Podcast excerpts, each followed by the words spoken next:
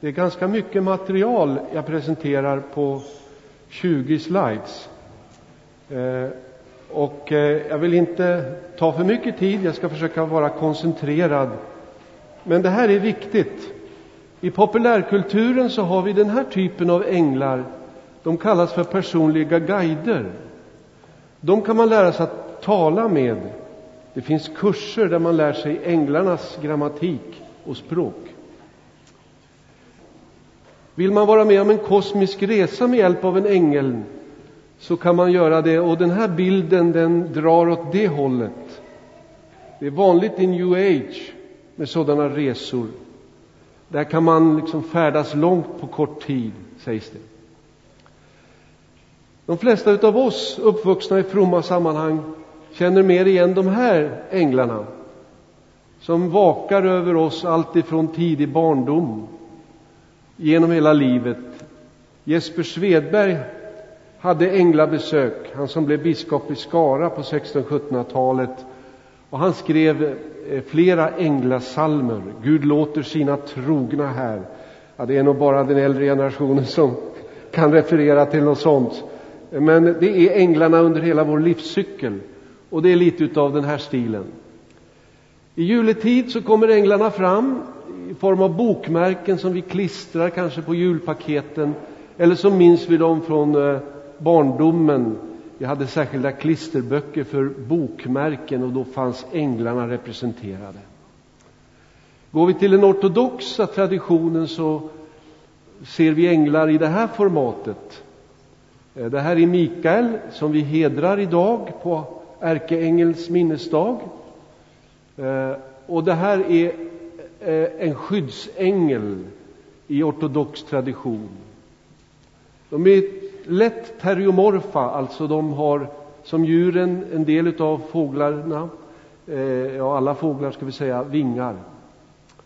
Här går vi till den etiopiska traditionen där EFS bedriver mission sedan eh, 1860-talet i Etiopien, bland gallafolket där det började en gång.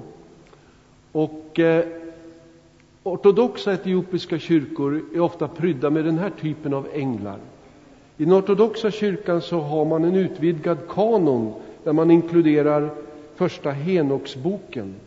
Och i den talas det mycket om änglar och deras hierarkier. Det är ganska spännande läsning, men vi evangeliska kristna kanske inte känner oss igen oss i allt. Men det må man säga i alla fall, här tror de på änglar. Så änglar kan i vår tid vara lite av varje. Varför ska vi uppmärksamma änglarna? Bibeln omnämner änglar vid minst 300 tillfällen allt ifrån Första Moseboken 3 och 24 till Uppenbarelseboken 22 och 2. I Bibelns 66 böcker finns det berättelser om änglar i alla utav dem utom fem. Ester, Ruts bok och Johannesbreven. Änglarna för det andra påminner oss om Guds osynliga verklighet och att Gud är en personlig Gud som bryr sig om oss människor. Änglarna blir Guds förlängda armar i världen.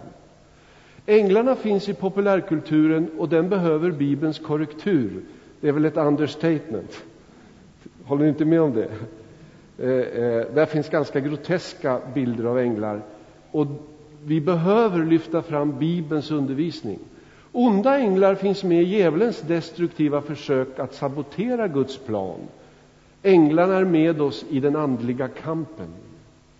Det är ett viktigt tema i Nya testamentet.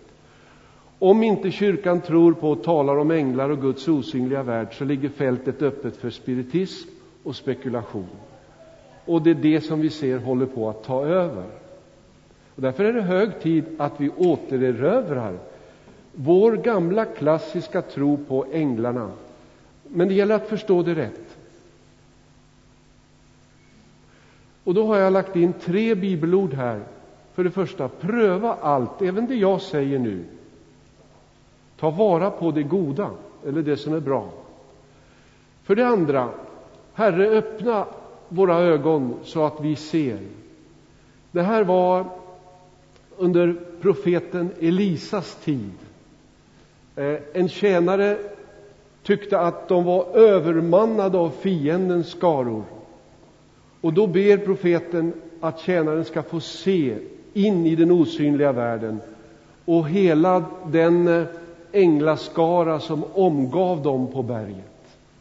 Och vi behöver be, vi som är marinerade och genompyrda av rationalism, en ganska ytlig rationalistisk tro. Vi behöver be om öppnade sinnen. För det tredje, vi behöver ha fokus på Jesus och hans namn som står över alla andra namn. I fängelsebreven i Nya testamentet, det är Efesierbrevet och Kolosserbrevet och Filipperbrevet, så finns det vissa avsnitt som handlar om ängladyrkan. Aposteln Paulus avfärdar detta. Den som ska tillbes och dyrkas är ju den treenige guden och Jesus är Herre. Och han så att säga är Herre över alla makter och furstar och väldigheter i den osynliga världen. Och vårt fokus ska inte ligga på vissa änglar, utan på Jesus som Herre. Men när det är sagt så har vi en hel del att lära om änglarna. Luther skrev så här om änglarna. Denna lära tröstar och gläder oss så att vi fattar mod i nöden och tänker, du är väl ensam. Och dock är du ej alena, ty de kära änglarna som givits dig av Gud är hos dig. För de i min generation som fick lära Luthers morgonbön så ber vi varje morgon Må din helige ängel leda oss på en jämn väg så att den onde fienden inte får makt med oss. Det är Luthers morgonbön. Han beskrev änglarna som mycket vackra, estetiskt tilltalande och som utomordentligt goda och vänliga väsen som finns där för att räcka handen och bli oss till hjälp. Eh, Luther har en barnslig tro på änglarna. Eh, och det är väldigt inspirerande att läsa Luther här. Det finns mycket om änglarna hos Luther. Calvin var lite mer så här på distans. Jo då, det finns änglar och han beskrev dem också. Men Luther han tar in dem i sin personliga fromhet. Nu ska vi se. Vad änglarna är. Änglarna är skapade väsen. I honom skapades allt i himlen och på jorden, synligt och osynligt. Det finns flera bibeltexter om detta.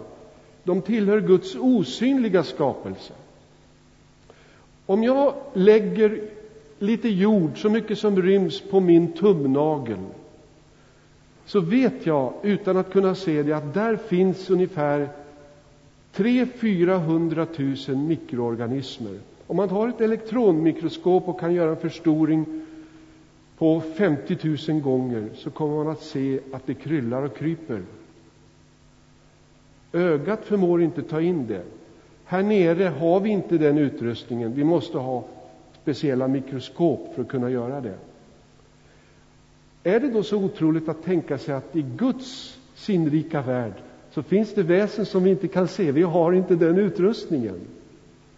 Eh, men om vi hade det så skulle vi kunna se, och ibland träder de fram.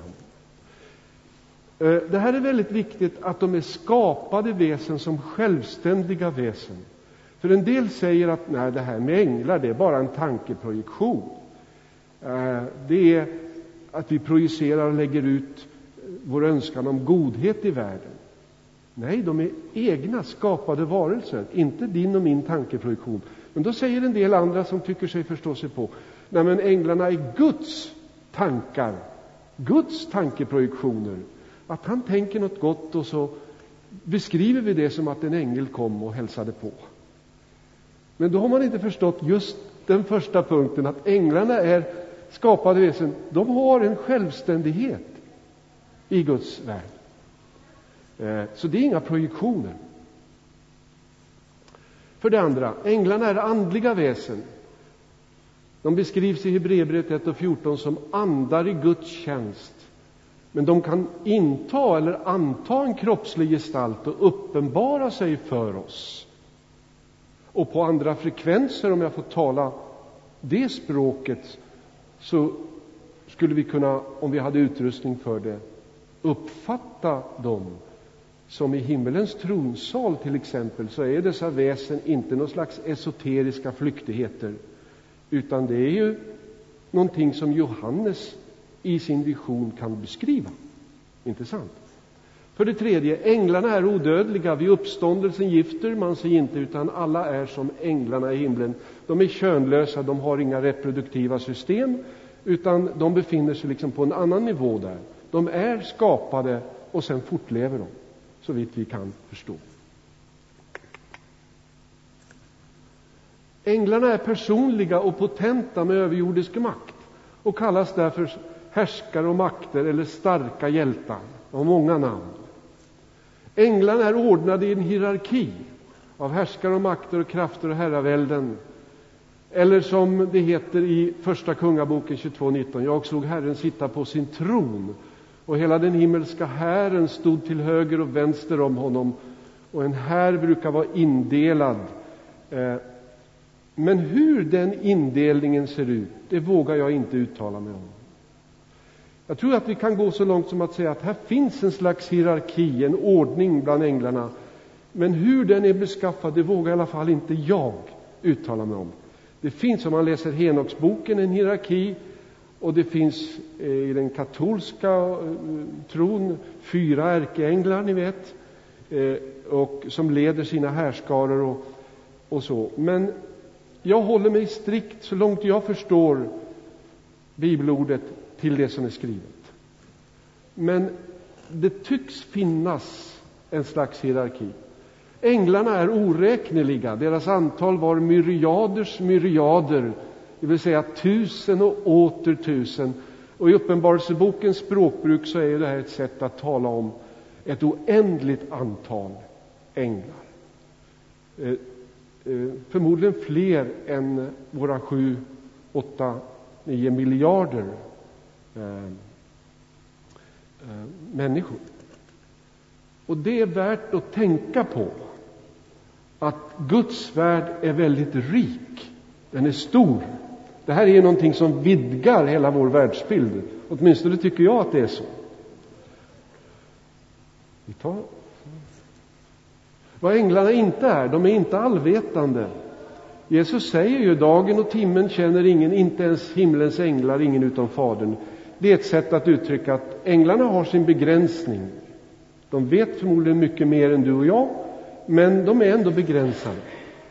De ska inte tillbedjas, som jag tidigare sa. I Uppenbarelseboken 19 och 10 så vill Johannes liksom falla ned för ängelns fötter och tillbe honom. Och ängeln svarar direkt nej, inte så.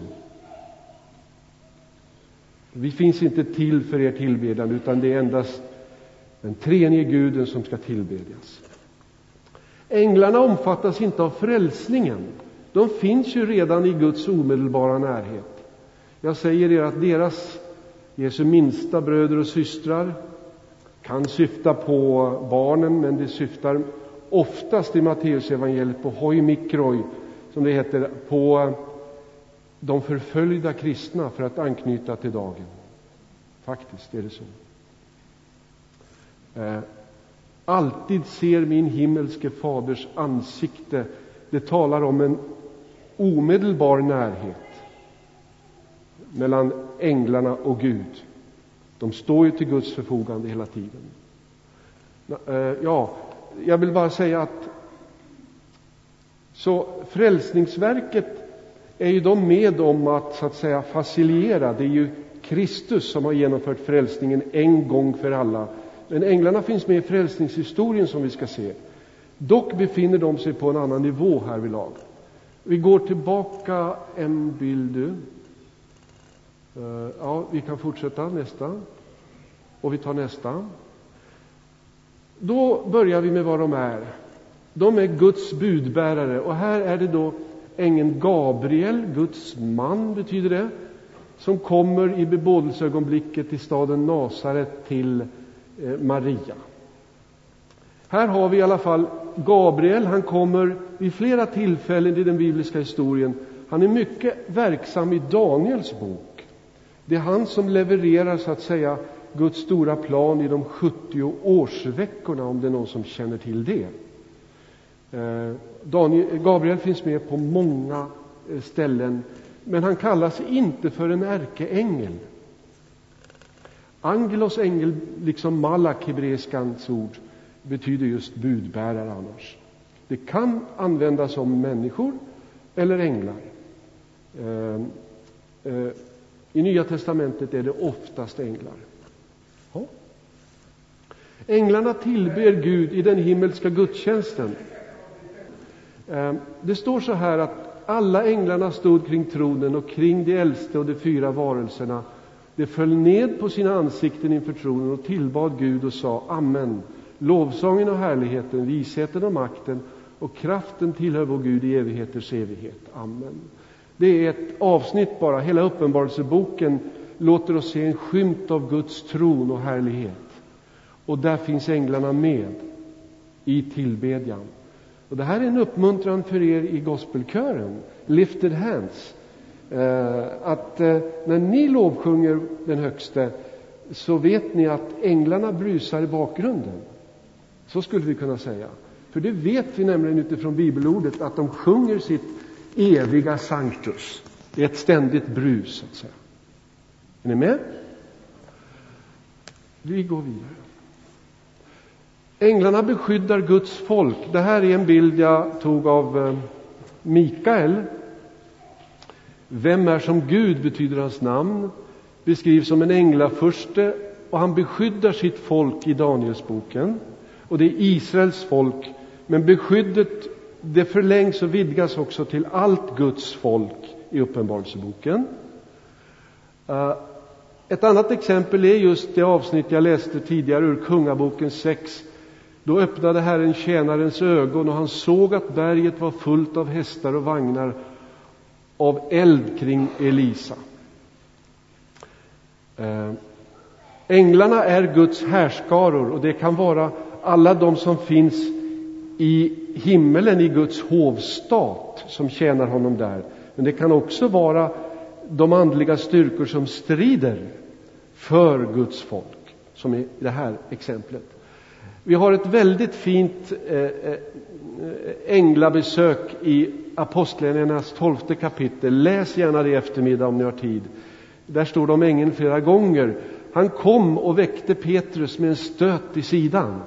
Skynda dig upp, sa han, och då föll kedjorna från Petrus händer. Han var ju tillfångatagen av Herodes och satt i fängelse och eh, församlingen bad för honom. Och mycket riktigt kommer en ängel och eh, stöter till honom. Ehm, ehm, och han blir fri och går tillbaka till församlingens bönemöte, skulle vi kunna säga. Änglarna är viktiga i frälsningshistorien. Andar i Guds tjänst, sända att tjäna dem som ska få del av frälsningen. Här kommer vi in på någonting väldigt centralt, det som änglarna gör.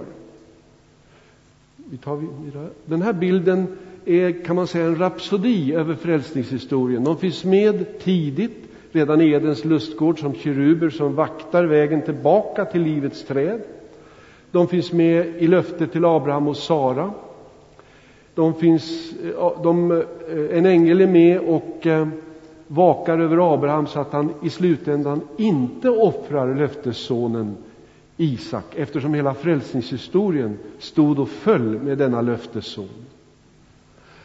De är med vid Jakobs dröm i Betel, i laggivningen med Mose, står det, i hela Jesu liv, i bebådelsen, i födelsen, en stor himmelsk här den första julnatten. Och ängel träder fram och förkunnar julevangeliet, klart och tydligt. En frälsare har blivit född åt er i Davids stad. Han är Messias, Herren. Eh, vi har det i ett semane, i frestelsekampen, och inte minst i uppståndelsen så kommer dessa skinande väsen fram. De visar sin nimbus, alltså sin strålglans. Ofta beskrivs änglarna så i Bibeln. I den unga kyrkans liv och mission, läs apostlagärningarna, de finns med överallt. Det vimlar av änglar. Och vid Kristi återkomst och tidens slut skall änglarna finnas med Kristus. Eh, de ska utföra domshandlingar, han sänder ut dem till jordens fyra hörn, står det. De kommer i hans härlighet. Det står dessutom en liten antydan i Lukas 16 och 22. Jag tog med den där bibelhänvisningen att änglarna har också en uppgift när den kristne somnar in. Och vi har det i flera salmer i vår psalmbok, men en väldigt vacker tanke att änglarna tar hem vår själ till Gud. Eh, jag tänker mig att det är så. Ehm, det är den rike mannen och Lazarus det handlar om där. Eh, men läs gärna det om ni har möjlighet. Vi går vidare. Änglarna strider mot den onda makten. Och nu läser jag texten, episteltexten för Mikaelidagen så att vi får med den. Den ska nämligen läsas i varje kyrka den här söndagen. Och det blev en strid i himlen. Mikael och hans änglar gav sig i strid med draken. Och draken och hans änglar stred, men han övermannades och det fanns inte mer någon plats för dem i himlen. Han som kallas djävul och Satan, han som förför hela världen, han störtades ner på jorden och hans änglar störtades ned med honom.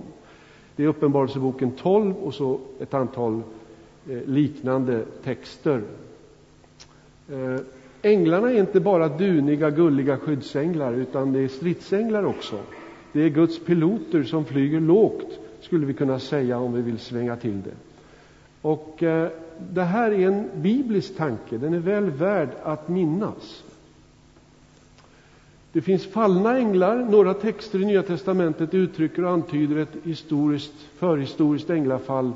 Det står i Andra Petrusbrevet att Gud skonade inte änglar som hade syndat utan störtade ner dem i underjordens mörka hålor där de hålls i förvar tills domen.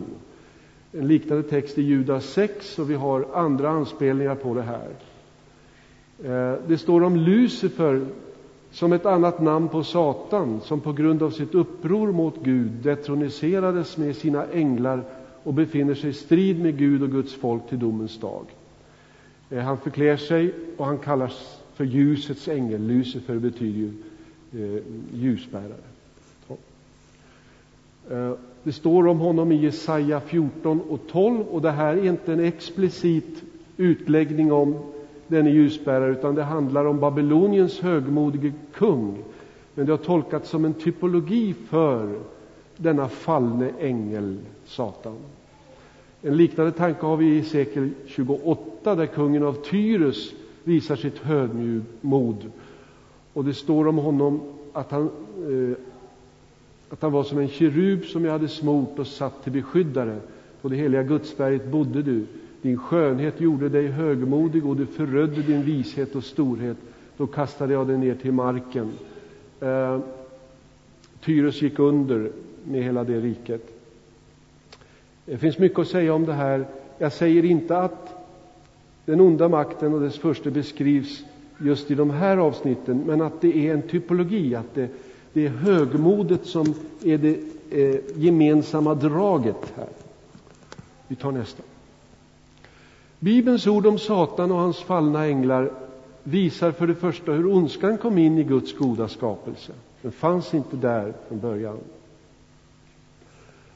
Klargör varför det finns så mycket ondska, synd och våld i världen. Det är en destruktion som pågår. Och ju längre vi blundar för detta, desto mer handfallna kommer vi att stå, både i vårt samhälle och i vida världen.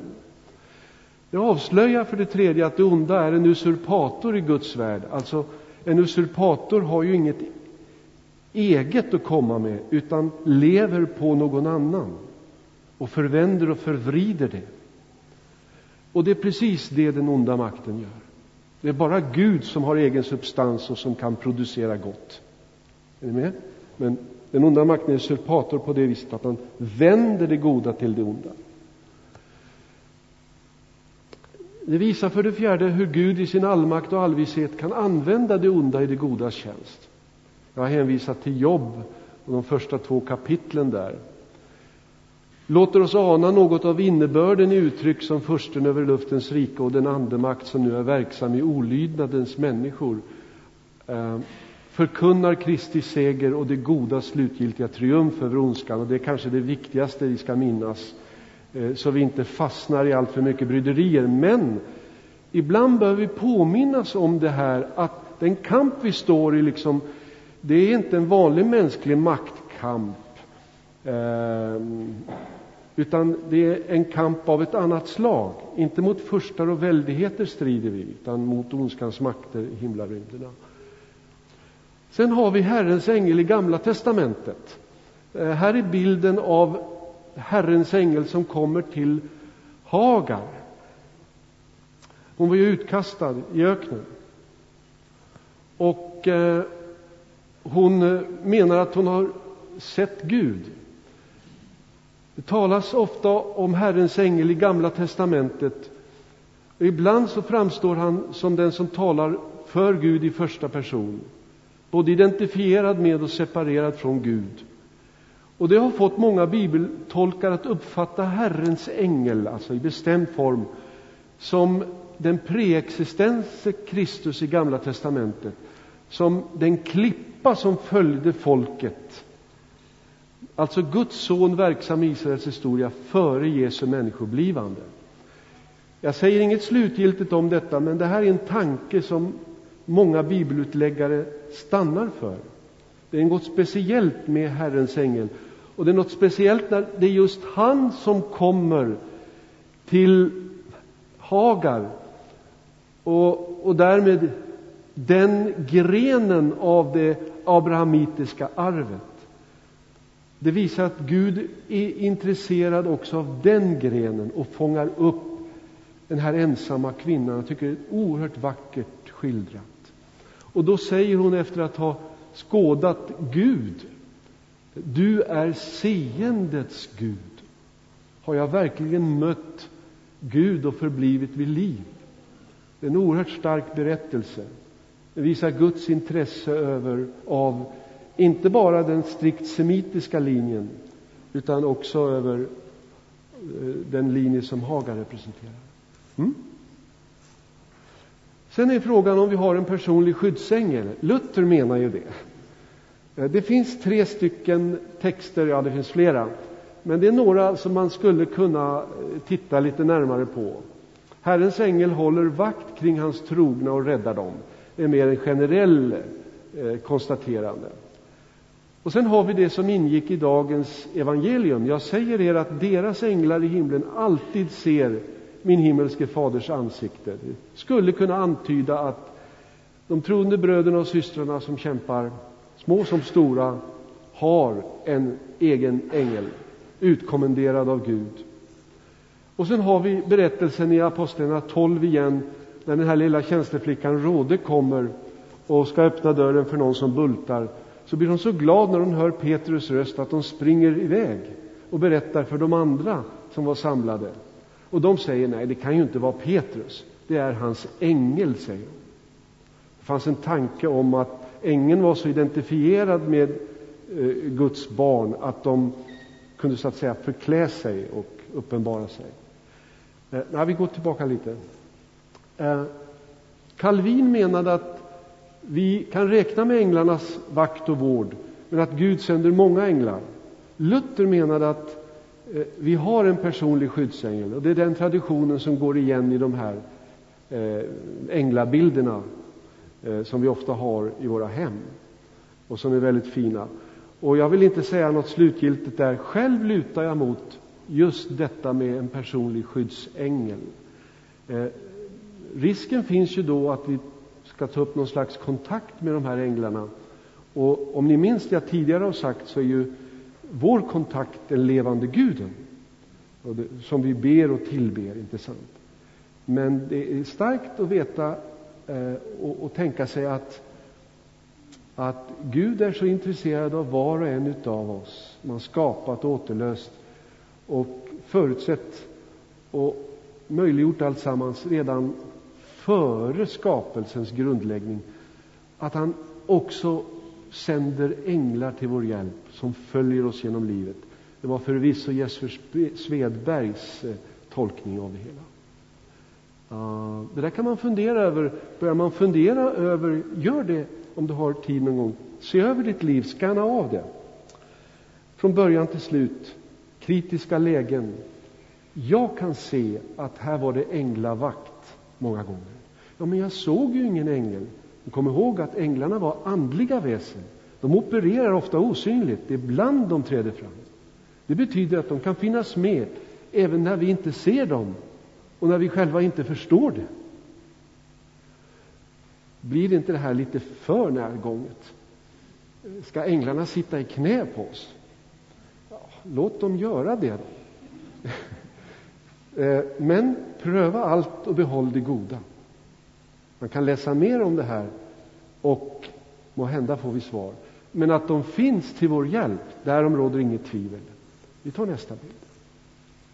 Sen omtalas keruber som väktare av förbundsarken och i sekel 10 är de rörliga på hjul, har två vingar, fyra ansikten, många ögon och vakar över Herrens härlighet. Vi har serafer, det betyder ungefär brand, brinna, omtalas bland annat i Jesaja 6 som änglar med sex vingar omger Guds tron, ropar Sanctus, vakar över Guds helighet och som motsvaras av varelserna i Uppenbarelseboken 4. Slutsatser, för tiden går och eh, vi, vi, kan inte rubba kökets rutiner och tider allt för mycket. Eh, gläd dig åt änglarnas vakt och vård och tacka Gud för deras omsorg, ledning, skönhet och kraft. Tänk att Guds värld är så mycket rikare och härligare än vad vi erfar under våra bästa stunder på jorden. Var medveten om att det pågår inte bara maktkamper, kulturkrig och militära konflikter utan en bakomliggande andlig strid med närgångna frontlinjer. Du är inte ensam i kampen och som Luther skriver, änglarna är både fler och starkare än demonerna. Var trygg och tänk långsiktigt på att Gud har segrat i Kristus och kommer att segra och slutföra alltsammans vid Kristi återkomst. Vi tillhör det vinnande laget. Och vad säger ett vinnande lag? Hurra! Och därmed säger jag amen och sätter punkt.